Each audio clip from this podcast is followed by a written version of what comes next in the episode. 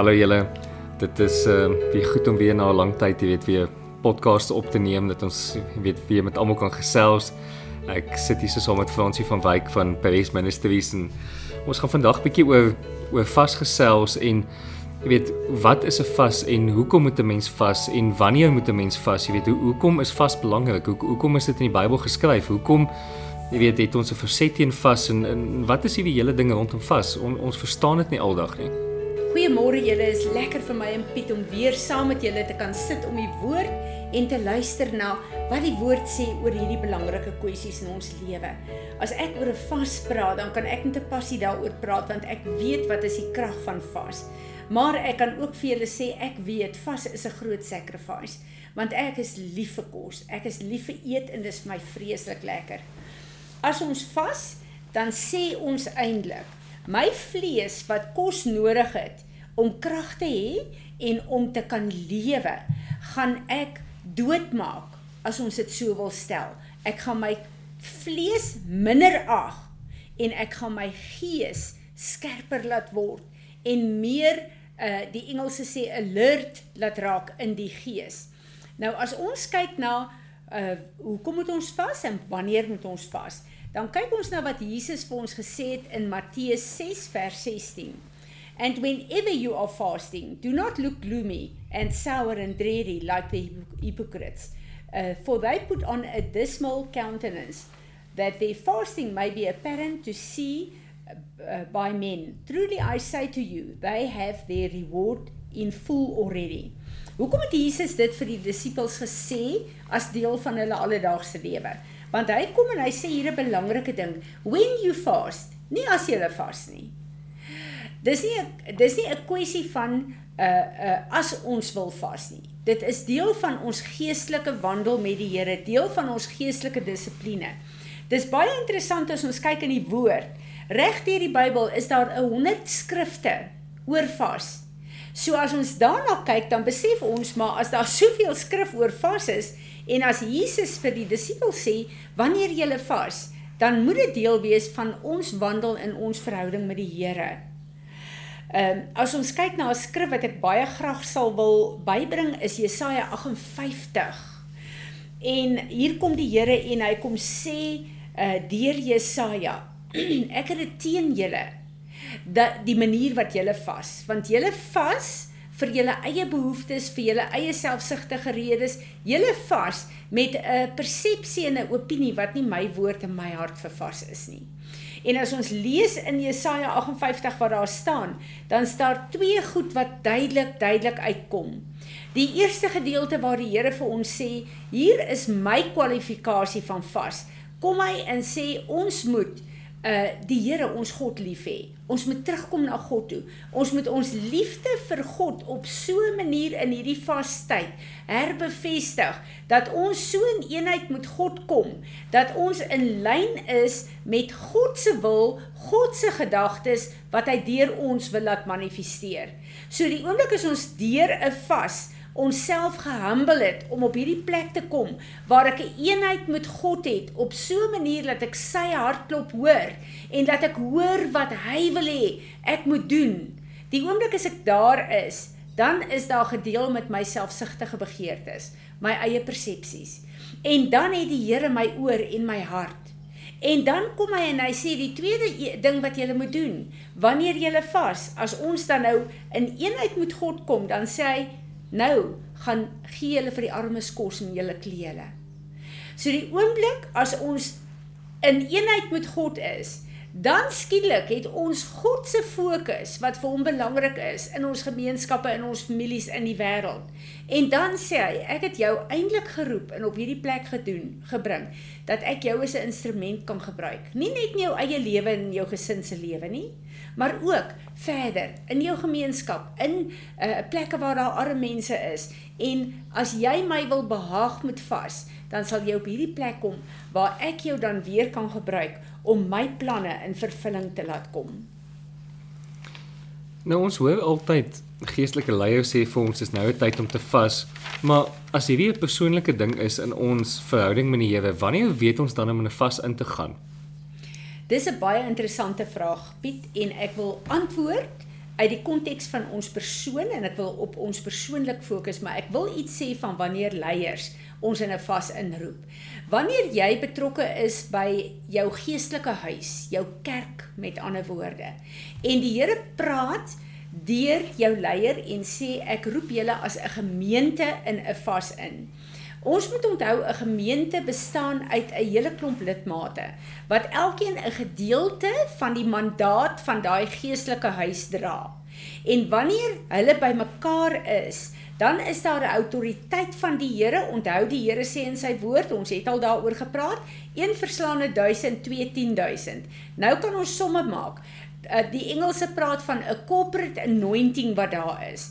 So die Here kan dan kom en hy kan daai 'n uh, autoriteit van 'n gemeente wat hoër is as die autoriteit wat ek en jy alleen dra in ons eie lewe. Hy kan daai autoriteit gebruik om letterlik nasies te skuif om gemeenskappe te skuif, om wette in 'n land te verander. En dan is dit nodig dat ons as 'n gemeente onsself uh, afsonder en laat ons vas om te hoor wat God deur ons gemeente wil doen. So die gemeente vas Uh, die Here sal baie keer deur die intercessors of die sieners of die leiers praat en sê ek roep julle as 'n uh, in 'n vas in. Ons weet ook as ons kyk na die woord van God, die Here het al 'n hele ehm um, 'n uh, uh, dorp, 'n uh, uh, groot stad geroep en gesê julle vas. As ons dink aan Ninive. So die uh, daar staan dat tot die diere het gevas. So God kan kom en hy kan 'n hele stad in 'n vas inroep. En dit is hoe hy met die leiers sal praat, die profete, die leiers, die apostels, die die uh, leraars. Hy sal met die leiers praat van so 'n uh, 'n uh, uh, gemeenskap. Maar ek wil die tweede gedeelte van jou jou vraag wil ek eintlik antwoord want hier gaan dit oor wat waar staan ek as enkeling, as individu voor God met 'n vas?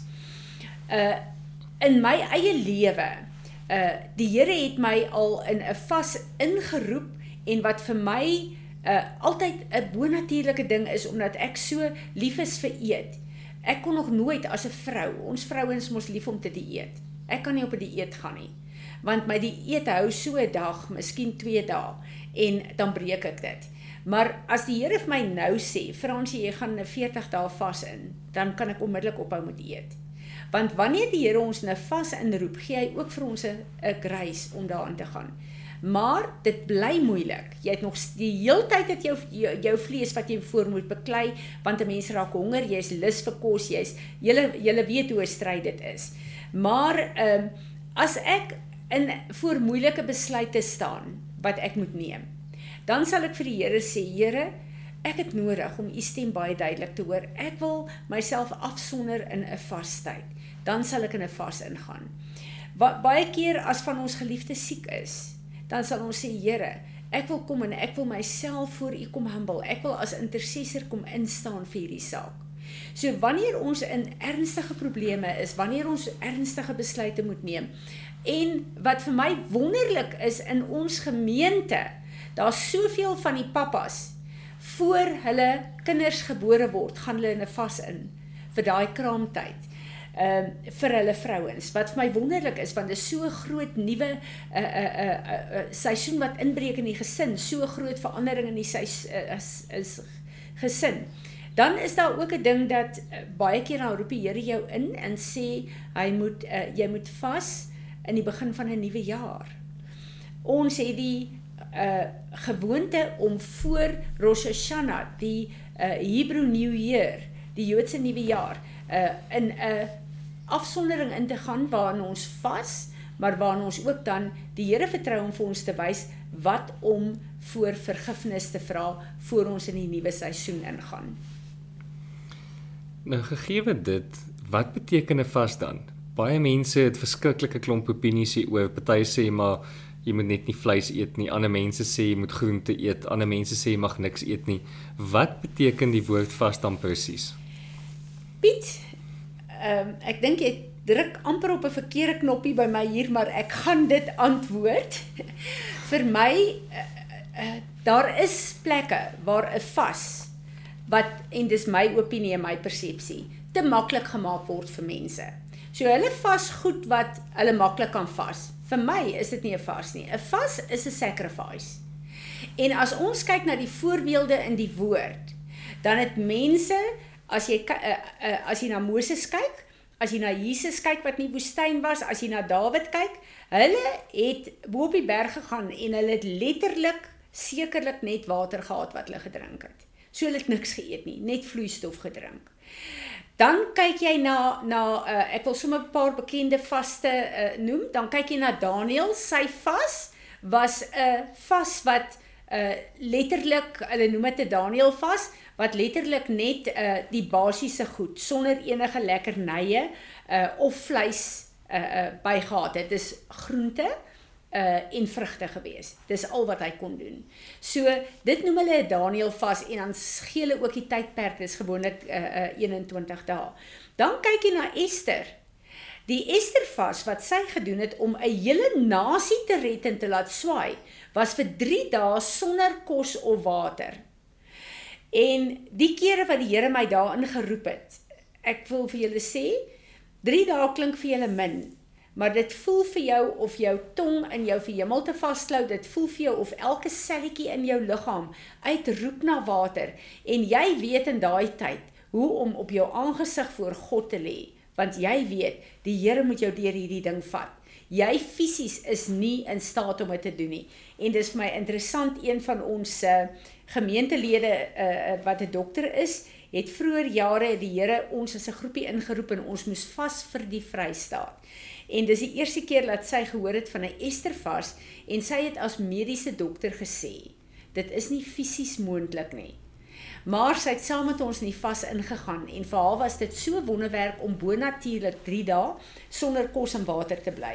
So daar's verskillende tipe van vas, maar nou wil ek vir julle ook sê dat iets wat ek my sterk oor uitspreek en ek wil dit ook oor hierdie boodskap doen. Wanneer jy in 'n Daniël vas ingaan, ek sien die groepe wat dit doen en ek wil nie judge nie, maar ek wil vir julle sê ek voel dit is nie reg nie. Dan sien ek die resepte wat hulle uitwerk vir die heerlikste groente lasagnas en ek weet nie wat alles nog nie. Dis nie vas nie. Want jy is besig om jou vlees so te voed met hierdie heerlike lekkernye wat jy eet. Daniel vas beteken groente en water en vrugte. Niks anders is dit nie. En uh, ek voel dat dat vandag is daar 'n plek wat ons versigtig moet wees om 'n vas nie vir ons te laat aanpas nie en vir ons maklik te maak nie want 'n vas is 'n sacrifice wat jy jou vlees kruisig en vir jou vlees sê alles waaroor voor jy lus is jy kan nie dit eet nie want jy's in 'n spesiale tyd van afsondering met die Here en dit bring my by jou tweede gedeelte van die vraag Hoekom vas 'n mens? Wat beteken dit dan? Dis 'n tyd wat jy vir jou vlees sê en vir jouself sê, jy sonder jou af op 'n spesiale manier vir God. Want jy wil God se stem baie duidelik hoor oor sekere sake. Jy wil jouself dissiplineer, jou vlees kruisig om meer tyd met hom deur te bring. As jy nie in 'n vas meer tyd met God deurbring nie, is jy op 'n hongerstaking. Niks meer is dit nie. En dan om jou verkeerde persepsies en jou motiewe bietjie in lyn te bring. Want ek wil vir julle sê in 'n vas, dan bedink jy wie jy is. Jy spandeer meer tyd in die teenwoordigheid van die Here. So jy hoor God se stem duideliker, maar hy het ook dan die geleentheid om goed vir jou te sê wanneer jy ander keer te haastig is om te luister na hom. 'n Vas is 'n tyd van repentance baie keer dan dink ek aan die wonderlike wonderlike 'n uh, uh, worship song wat ons sing van dit is wel met my siel. Nou Fransie van Wyk is dankbaar om dit te sing as ek kan sê dis wel met my siel omdat Jesus die prys betaal het. En ek weet dis ook waaroor hierdie lied gaan. Maar met my siel is dit nie elke dag wel nie. In 'n vastyd is 'n tyd wat ek myself voor God kan verneder en dit is my tyd van repentance in 'n vastyd repent ek baie meer as in 'n gewone tyd. So ek voel 'n vas is daar om ons geestelik skoon te maak ook. Dis 'n plek om jouself regtig waar te humble.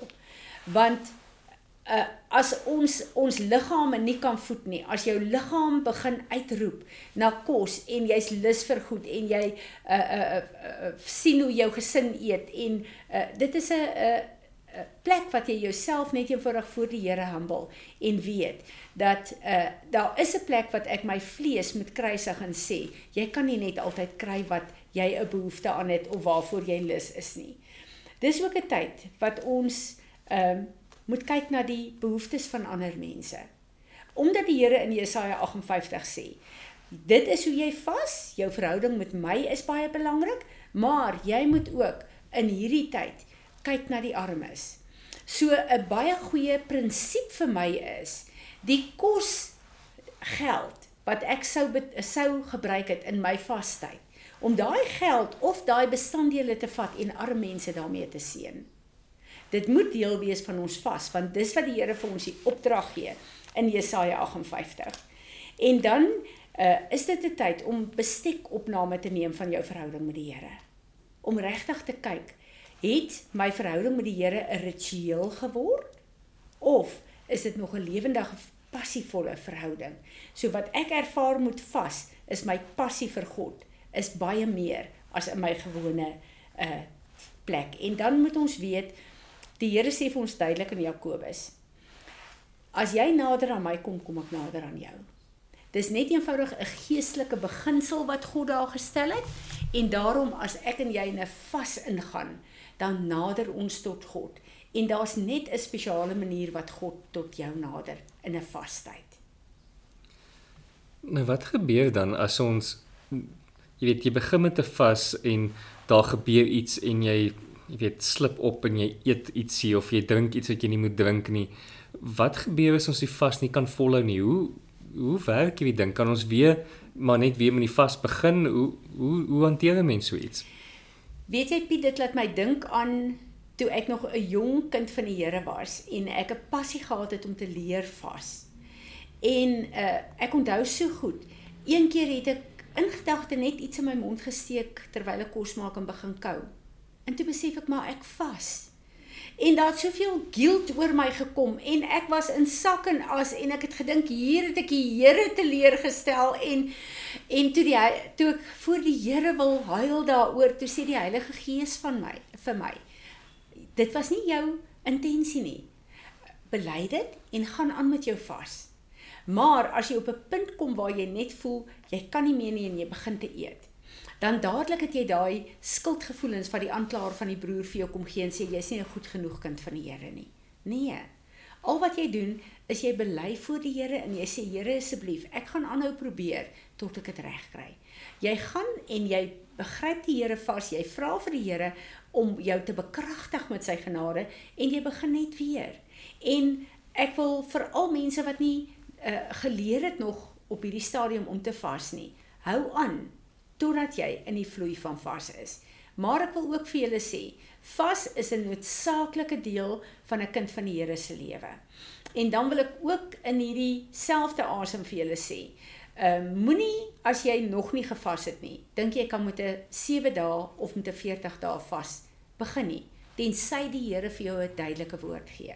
Begin een keer 'n week. 24 uur van 6:00 die vorige aand tot 6:00 die volgende aand en begin met 'n een, keer 'n week 'n dag vas en vra die Here om jou te laat groei in vas want ek weet dit is 'n krag um empowerment wat die Here vir ons gee vir dit wat hy ons geroep het om te doen hier op aarde. Nou kan jy ons dan lei in in 'n gebed dat dat ons die Here kan vasgryp om hierdie ding vir ons oop te breek en vir ons die krag te kan gee om in om in om in vas te kan loop. Ek weet daar's 'n klomp mense wat eintlik nou wens hulle het nooit hierdie hierdie podcast aangesit om te luister nie. Maar as ons wil dieper gaan in ons verhouding met die Here, is dit 'n baie belangrike gedeelte van wat ons moet doen en en dis 'n deel van ons dissipline wat ons moet voltooi. Ehm um, ja. help ons asseblief in 'n gebed met hierdie ding. Ja. Vader, ons kom buig in aanbidding voor U. Ons wil U naam kom groot maak hier. Here Jesus, ons wil vir U dankie sê dat U vir ons die weg, die waarheid en die lewe kom wys het op aarde.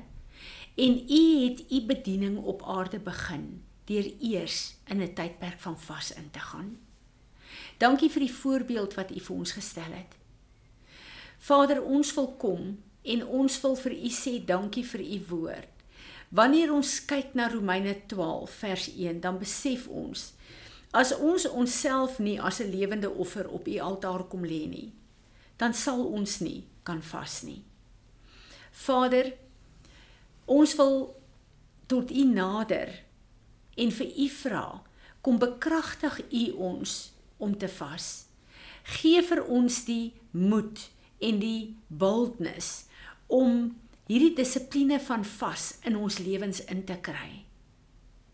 Ek bid dat U sal kom en ons elkeen sal aanraak, dat U ons sal kom salf, Here, op 'n nuwe manier om uit te tree en gehoorsaam te raak aan hierdie geestelike dissipline wat U gesê het ons moet vas wanneer ons vas. U leer in U woord vir ons in 'n 100 verskillende skrifte hoe belangrik vas is.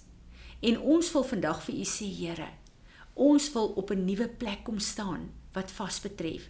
Ons wil dit as 'n dissipline in ons lewe hê. Ons wil nader aan U kom. Ons wil U beter leer ken. Ons wil vra dat U al ons persepsies en opinies wat teen vas is sal vergewe en dat U vir ons 'n gedagteverandering sal gee om hierdie gedrag as 'n dissipline in ons lewe in te kry.